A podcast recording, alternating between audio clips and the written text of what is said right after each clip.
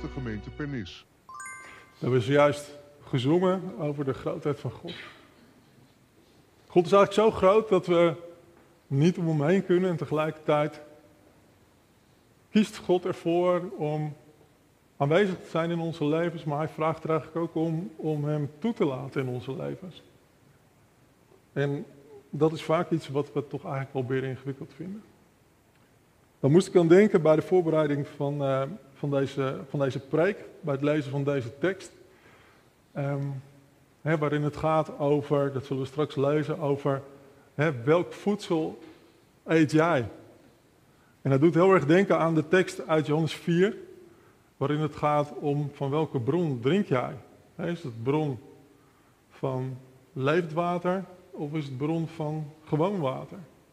Is het de bron waarbij als je ervan drinkt, krijgt?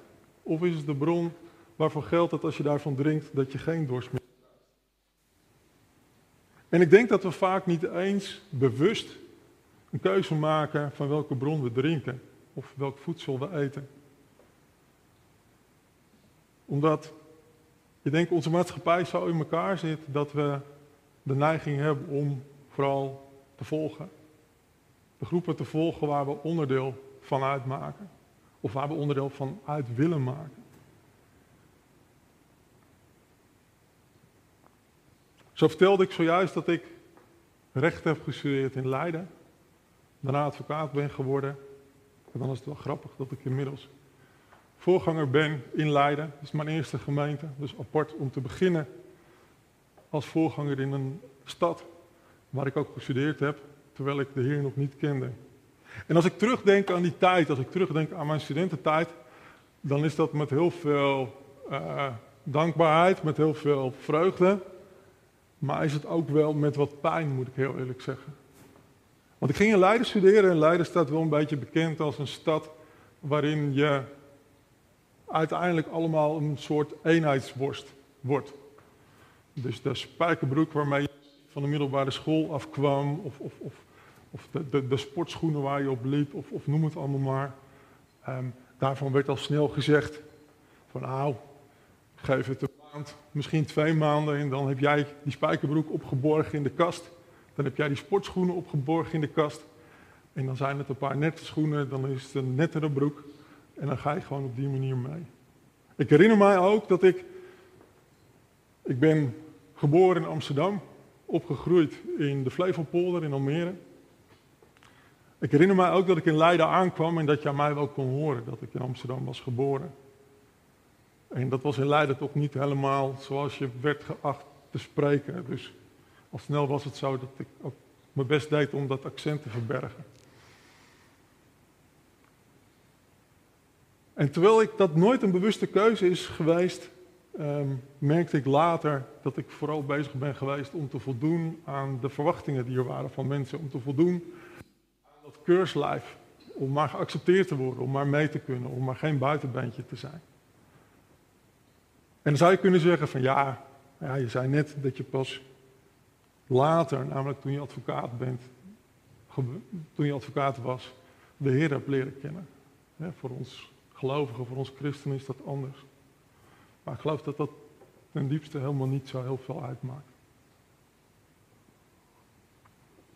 Ik denk dat ook wij ons in de kerk voor een belangrijk deel laten leiden door de vraag: wie zijn we? Wie willen we zijn? Waar willen we bij horen? Waar verlangen we naar?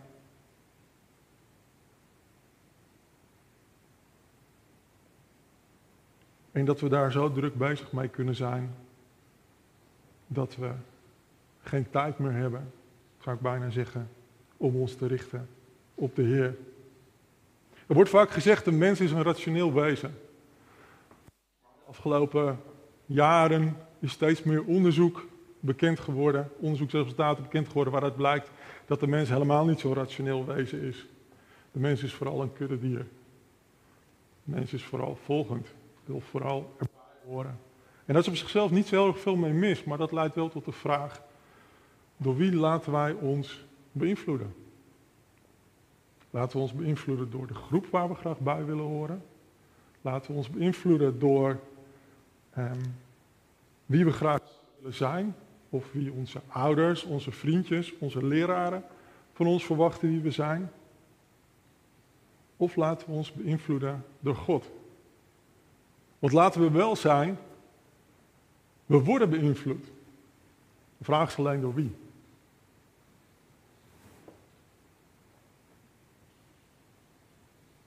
En ik denk dat het mooi is om dan te gaan naar de tekst van vanochtend, Johannes 6, vers 25, waarin Jezus zegt, ik ben het brood. Niet mijn omgeving, niet de groep waar ik graag bij wil horen, niet de verwachtingen die ik heb van mezelf, niet mijn gemeente, niet mijn Bijbelkring. Nee, Jezus zegt, ik ben het brood dat leven geeft. Laten we lezen vanaf Johannes 6, vers 25. En we vallen eigenlijk in het, in het verhaal, zou je kunnen zeggen, ehm, op het moment dat, uh, of vlak nadat Jezus, um, dat de wonderbare spijsing is geweest. Hè? Jezus was met een hoop mensen, een paar duizend mensen, was Jezus om onderwijs te geven. En op een gegeven moment was de vraag van ja, moeten we die mensen niet wegsturen, want straks krijgen ze honger. En, en, en toen hebben ze met vijf broden en twee vissen, zo mooi ook aangegeven in dat raam, heeft Jezus vermenigvuldigd zodat er voor iedereen meer dan genoeg was. Er bleef zelfs nog over. Dat moeten we even weten, dat moeten we even vasthouden als we gaan lezen vanaf vers 25.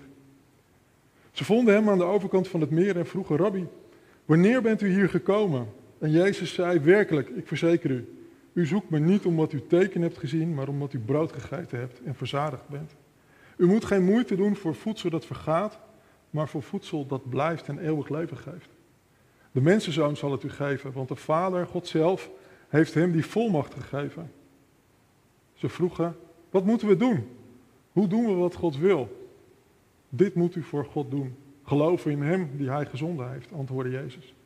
En toen vroegen ze, welke teken, welk teken kunt u dan Als we iets zien, zullen we in u geloven. Wat kunt u doen?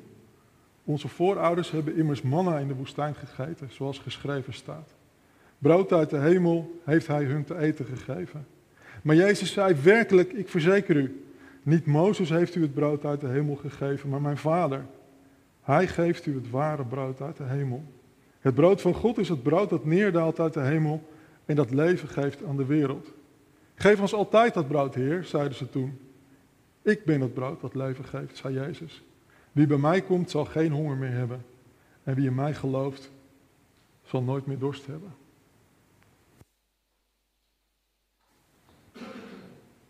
Tot zover. Ik denk als we deze tekst lezen en deze tekst tot ons laten doordringen, dat dan eigenlijk de vraag is: van welk voedsel eten wij? Van welk voedsel eet jij? Of uit welke bron drinken we? En dan denk ik vooral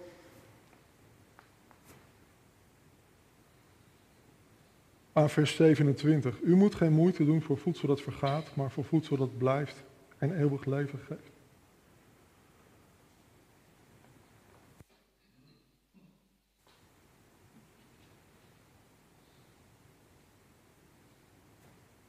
Ik geloof dat we in dit Bijbelgedeelte worden opgeroepen om werk te maken van God. Om er ernst te maken om bij Hem te zijn, om Hem te volgen om Hem te verstaan, om Hem te dienen. Want, zegt Jezus in Johannes 12, vers 25, wie werk maakt van zijn eigen leven, die zal het verliezen. Zo vaak zijn we bezig met onze eigen verlangens, onze ambities. als we ergens gaan werken, dan streven we vaak eh, promoties naar, een steeds betere carrière. Als we nog niet aan het werk zijn, maar bezig zijn met school, dan zijn we aan het kijken welke opleiding kunnen we doen om, om, zo, goed mogelijk, uh, om zo goed mogelijk carrièreperspectief te hebben. Hoe kunnen we zo goed mogelijk cv opbouwen? Dat begint ook al heel snel in de fase van school. als je lid bent van, van, van bijvoorbeeld in je studietijd van een studentenvereniging of, of van een ander soort vereniging, het kan ook de voetbalvereniging zijn, dan kunnen er al snel vragen opkomen. Kan ik hier nog iets doen om, om een goed cv op te bouwen? Om er straks uit te springen, om, om, om, om die carrière te maken die ik voor ogen heb.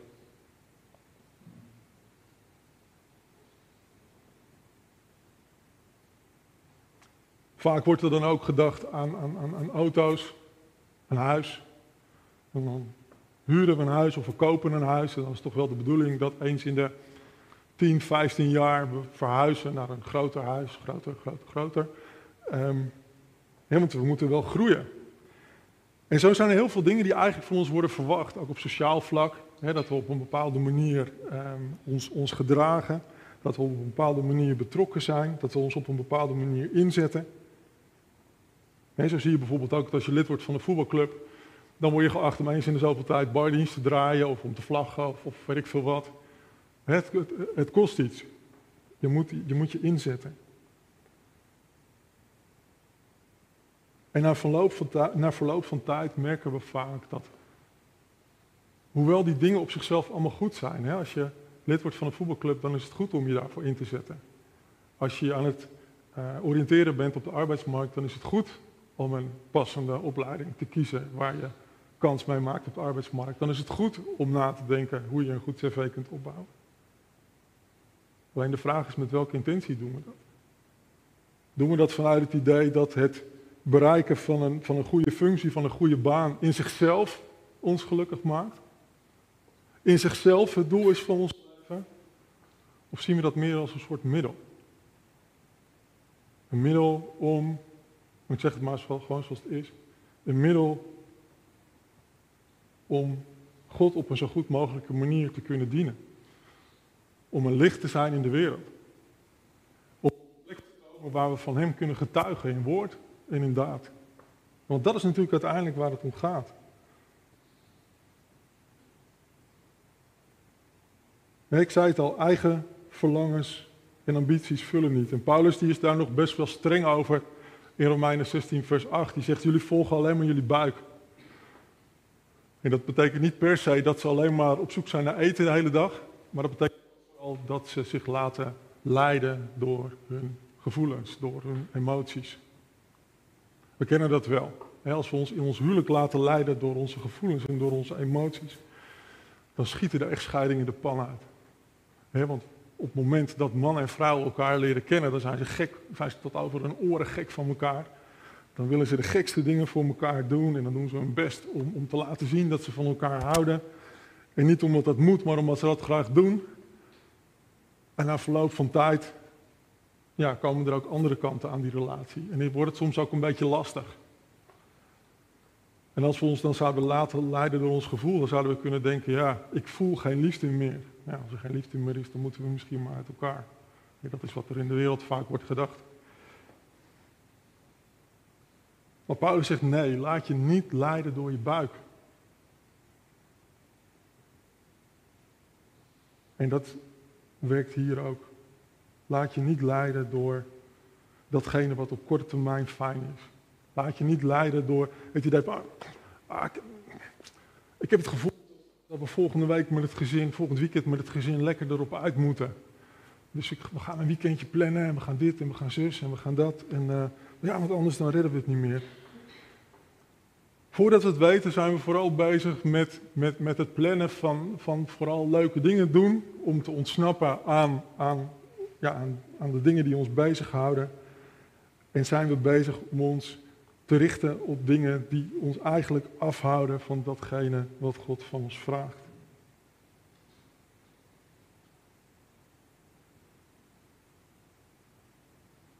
In deze tekst zien we ook dat wanneer we bezig zijn met onze eigen levens, wanneer we bezig zijn met onze eigen verlangens, wanneer we bezig zijn met onze eigen gedachten, dat ons dat gewoon kan afhouden van datgene wat Jezus ons wil laten zien. Het, het, het, voorbeeld wat hier, um, waar we hiermee beginnen, is dat de menigte het teken wat Jezus heeft gegeven met die vijf broden en twee vissen, om die te vermenigvuldigen in een enorme maaltijd voor een hele groep, dat de menigte dat niet heeft gezien. Want Jezus zegt, jullie volgen mij alleen maar omdat ik jullie te eten heb gegeven. En straks hebben ze weer honger en willen ze weer eten. En dan denk ze, nou ja, die Jezus die heeft het één keer gedaan, vijf broden en twee vissen. Vermenigvuldigen, misschien heeft er nog wel iemand iets en doet hij het nog een keer. Maar het was natuurlijk niet Jezus' bedoeling om met die brood- en visvermenigvuldiging te laten zien dat hij een, uh, een goede kok is of zo, of een cateraar.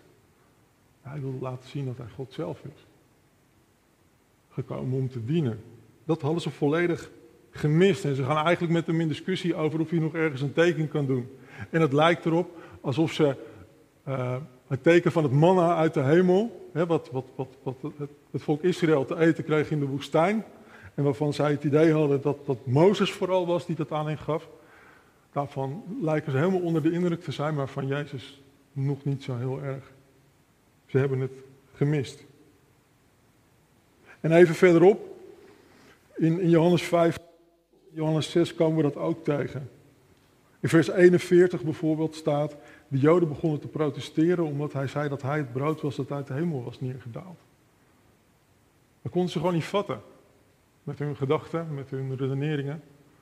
Dat Jezus het brood was dat uit de hemel was neergedaald. En dus gingen ze protesteren, want ze snapten het niet. En als ze het niet snapten, dan kon het niet kloppen. En dus begonnen ze te protesteren. In vers 52 staat, nu begonnen de Joden heftig met elkaar te discussiëren. Hoe kan die man ons zijn lichaam geven?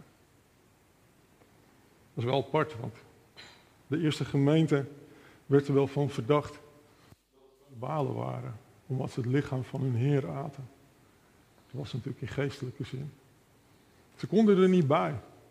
En ze beginnen er eindeloos over te discussiëren en te ruzien. En daardoor missen ze het punt. Ze willen graag begrijpen wat er gebeurt. Ze willen graag dat in hun gedachten kunnen rondredeneren. En laten we nou eerlijk zijn. Hoe vaak is het niet zo dat ons eigen verlangen om alles rond te kunnen redeneren niet in de weg staat aan het begrijpen van God. Of eigenlijk moet ik zeggen aan het volgen van God. Aan het luisteren naar zijn stem. Aan het hem gehoorzaam zijn. En want ook als we er geen bal van begrijpen, kunnen we nog altijd naar hem luisteren. Kunnen we nog altijd doen wat hij van ons vraagt. Kunnen we nog altijd op hem vertrouwen.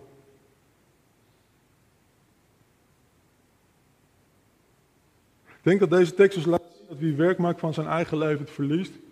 En dan het tegenovergestelde, wie werk maakt van God, die ontvangt het eeuwig leven. Jezus die, die verwoordt dat in van wie van het, het, het, het brood eet, het brood dat leven geeft, wie bij hem komt, wie bij dat brood komt, die ontvangt eeuwig leven. En eeuwig leven, dat is, dat, dat is zo'n term, dat is bijna zo'n soort van talen in de kerk. Eeuwig leven, hè, dat is belangrijk, dat is iets wat we, waar we wel dankbaar voor zijn en waar we, waarvan we geloven dat we dat, dat we dat mogen ontvangen of hebben ontvangen. Ehm, maar wat is dat nou eigenlijk, eeuwig leven? Is dat een leven wat nooit ophoudt? Is dat een oneindig leven? Is dat een leven waarin we iedere dag, of misschien zelfs wel de hele dag, in zaaltjes zoals deze mogen zitten om met elkaar te zingen? Om met elkaar te luisteren naar een preek waarvan we de ene keer denken, oh wat mooi, en de andere keer denken, nou ja, is hij al klaar? Is dat eeuwig leven? Is eeuwig leven een leven waarin we blijven rommelen en, en, en waarin we gewoon eigenlijk het leven wat we nu leiden, maar dan gaat. Nee. nee. nee. Dat is voor sommigen misschien wel een hele opluchting. Nee. Dat is niet wat eeuwig leven is. Natuurlijk is een eeuwig leven een leven wat nooit ophoudt. Een eeuwig leven is een leven wat we kunnen leiden door de dood heen. want we geloven, dat leert de Bijbel ons ook, dat als wij straks ons aardse lichaam verlaten, dat we bij God zijn en dat we met Hem eeuwig leven hebben. Dus eeuwig leven gaat door de dood heen. Tegelijkertijd zegt eeuwig leven niet alleen iets over de duur van ons leven, maar ook over de kwaliteit van ons leven.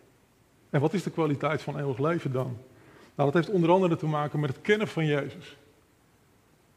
zegt Jezus in Johannes 17, vers 2 en 3. Eeuwig leven is het echt kennen van Jezus.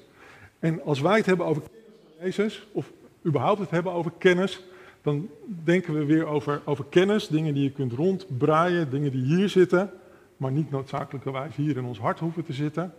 Maar dat is niet wat, wat, wat Jezus bedoelt. Dat is ook niet wat, wat in het Nieuwe Testament wordt bedoeld. Dat is ook niet wat er wordt bedoeld in het Oude Testament als het gaat om kennen.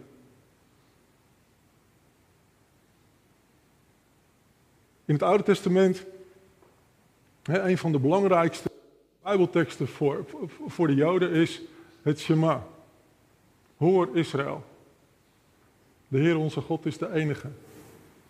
En horen betekent, dat woord wat daar staat in het Hebreeuws, dat betekent niet alleen horen, maar dat betekent ook handelen naar wat je gehoord hebt. Dus niet alleen horen, maar ook luisteren en doen. En dat is wat het hier ook betekent. Het kennen van Jezus betekent niet alleen weten wie Hij is, het betekent ook daar leven. Het betekent een leven in verbinding met God. Een leven in verbinding met Jezus. Verbonden zijn en verbonden blijven. En dan is het zo ontzettend mooi om weer te gaan naar dat beeld waar de Bijbel eigenlijk begint. Genesis 1 tot en met 3. Als God de aarde heeft geschapen, als kroon op die schepping heeft hij de mens geschapen, dan, dan, dan leeft de mens in zo'n vertrouwelijke omgang met God, dat ze met elkaar door het paradijs wandelen. dat zien we als Adam en Eva op een gegeven moment van de boom van kennis van goed en kwaad hebben gegeten. Dan wandelt God als het ware door het park. En dan zegt hij Adam. En dat zegt hij niet omdat hij niet weet waar Adam is. Maar hij wil weten hoe het met hem gaat. Hoe is het met je? Die intimiteit, die verbondenheid tussen mens en God. Die intimiteit en verbondenheid tussen jou en God.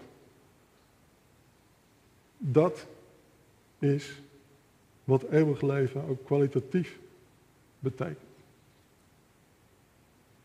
En het goede nieuws is dat dat is waar we op hoeven te wachten tot het moment waarop we ons aardse lichaam verlaten. Nee, dat is iets wat begint in het hier en nu. Johannes schrijft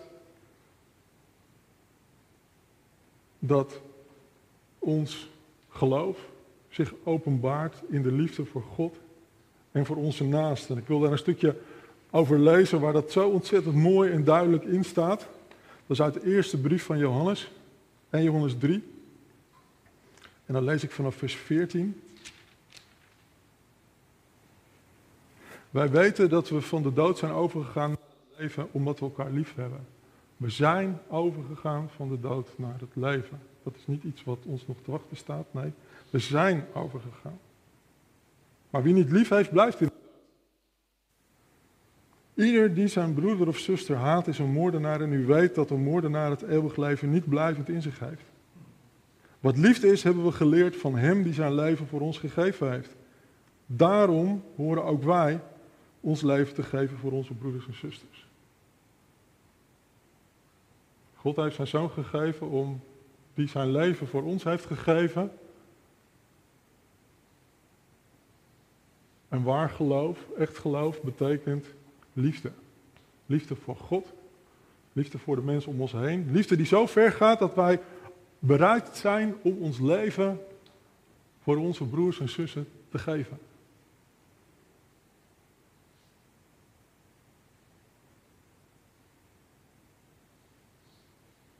De sleutel voor eeuwig leven is dus liefde.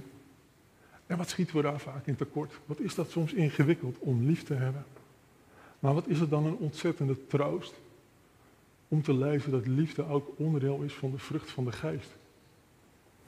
Liefde is iets wat we mogen ontvangen door de Heilige Geest. Wat God in ons wil laten groeien door de Heilige Geest. Dus we mogen daar geduld mee hebben. We mogen geduld hebben met onszelf. We mogen geduld hebben met onze liefde of met ons gebrek aan liefde af en toe. We mogen geduld hebben met het gebrek aan liefde soms die we bij elkaar zien. We mogen geduld hebben. En waarom mogen we geduld hebben? Omdat God ook geduld heeft met jou en met mij en met ons.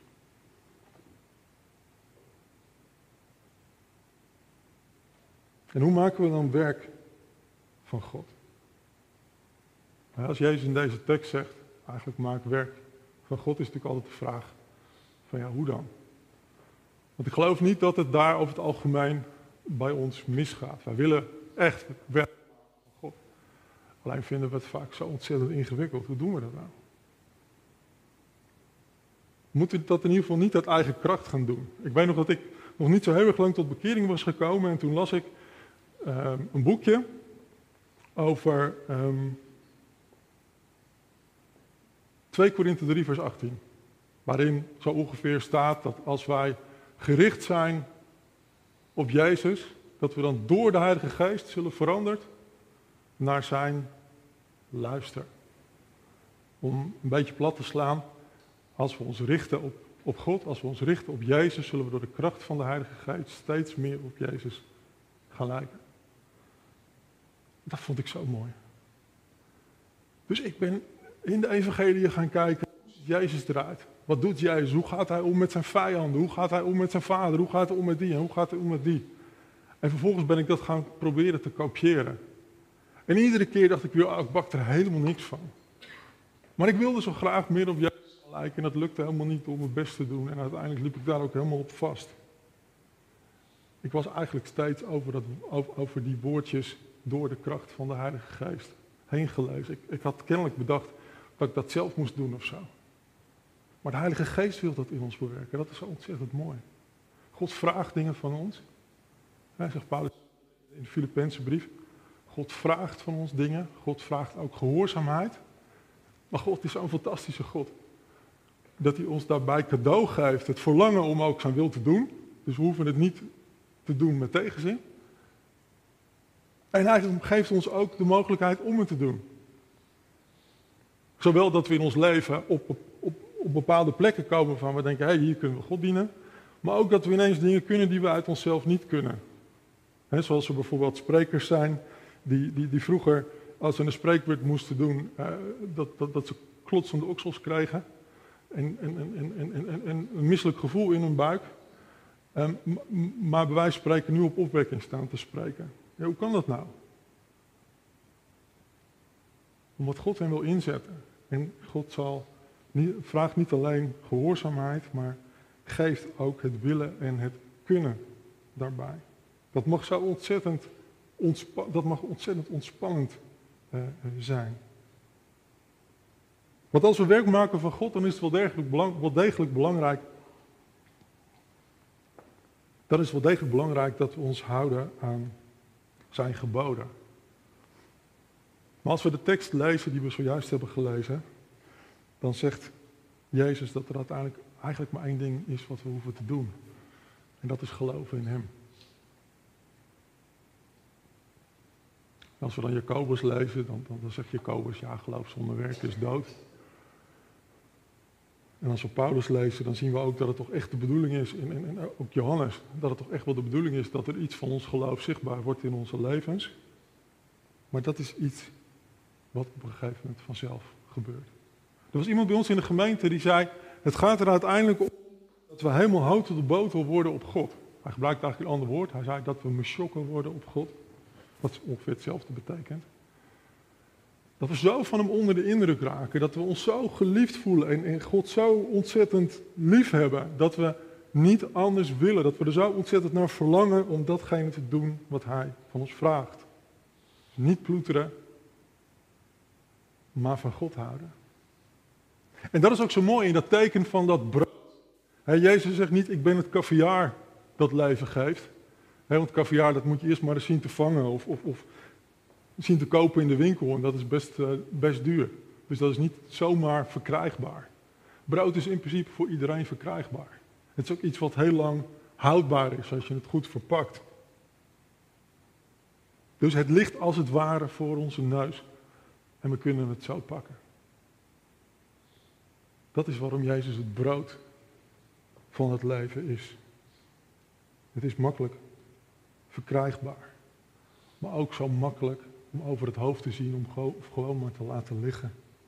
Maar de oproep is, Neem dat brood, pak dat brood, strek je uit naar dat brood, verlang naar dat brood. En hoe doen we dat dan? Eigenlijk is het heel simpel en tegelijkertijd ook zo ingewikkeld. Het is bij Jezus zijn. Het heeft alles te maken met de relatie. Zoals ik net al zei, dat beeld uit Genesis 1 tot 3, de relatie tussen Adam en Eva en God. Tussen de mens en God, die vertrouwelijke relatie. Adam, waar ben je? Niet achter welk bosje sta je, maar hoe is het met je? Bij Jezus zijn. Daar gaat het om. En er zijn allerlei zelfzorgboeken over liefdesrelaties. En een van, die, van dat soort boeken heet Liefde is een werkwoord. En dat is ergens natuurlijk ook zo. Ik zei net, liefde, als we liefde alleen maar voelen, dan, dan begeven we ons echt op een heel spannend, uh, spannende plek, want dat, dat gaat niet goed. Liefde is ook een keuze. En liefde is, is iets waar we aan mogen werken. Liefde is iets wat ons wordt gegeven, maar het onderdeel is van de vrucht van de geest. Liefde is ook iets wat we mogen oefenen. Maar er zit in ieder geval iets van inspanning in. We mogen er ook ons best voor doen. Ik hoorde iemand zeggen dat, het, dat, dat je het kunt vergelijken met een e-bike. God is het motortje, maar we mogen wel zelf trappen. En dat zelf trappen op een e-bike, dat slaat eigenlijk nergens op. Maar het is wel de bedoeling dat je meetrapt. En, en, en zo is het ook bij God. En dan denk ik dat het gaat om bij Jezus zijn zonder agenda. Want we kunnen op verschillende manieren bij Jezus zijn. Hè? We kunnen naar de kerkdienst gaan, we kunnen Bijbel lezen, we kunnen studie doen, we kunnen bidden, we kunnen opwekkingsmuziek luisteren, we kunnen de stilte ingaan, we kunnen de natuur ingaan. Maar vaak willen we ook dat het op de een of andere manier dan nut heeft. Dus als we de Bijbel studeren, dan willen we graag dat dat ons iets van duidelijkheid geeft, dat het ons iets van kennis geeft. En als we gaan bidden, dan, dan verwachten we eigenlijk, of, of laat ik het iets, iets, iets afzwakken, hopen we toch wel heel erg op een woord van God. Um, en zo is het vaak zo dat we, als we dingen doen waarbij we dichter bij God kunnen komen, dat we dat eigenlijk doen met een agenda. Met een dubbele agenda. Um, want we willen meer leren. We vinden misschien wel dat we minstens een kwartier per dag moeten, moeten bidden. Er zitten allerlei verwachtingen zitten daar weer bij. Maar als het gaat om werk maken van God, dan, dan gaat het vooral om Jezus zelf. Het is niet zo dat Jezus een middel is om ons weer kennis te geven, of dat Jezus een middel is zodat we kunnen ontspannen. Jezus is ons doel. Het bij Jezus zijn is ons doel. En natuurlijk is als, als we uit de Bijbel lezen, als we daar ook nog iets uit leren. Maar als we niet direct iets leren uit de schriftgedeelte die we hebben geleerd, dan zijn we toch maar mooi bij Jezus geweest. Dan zijn we toch maar mooi dicht bij Hem geweest. En dat is waar het in eerste instantie om gaat. Op het moment dat we zo ontzettend gericht zijn op opbrengsten van dit soort activiteiten, dan kunnen we hem zomaar missen. Dan zijn we gericht op dat broodje met dat visje, zoals die leerlingen.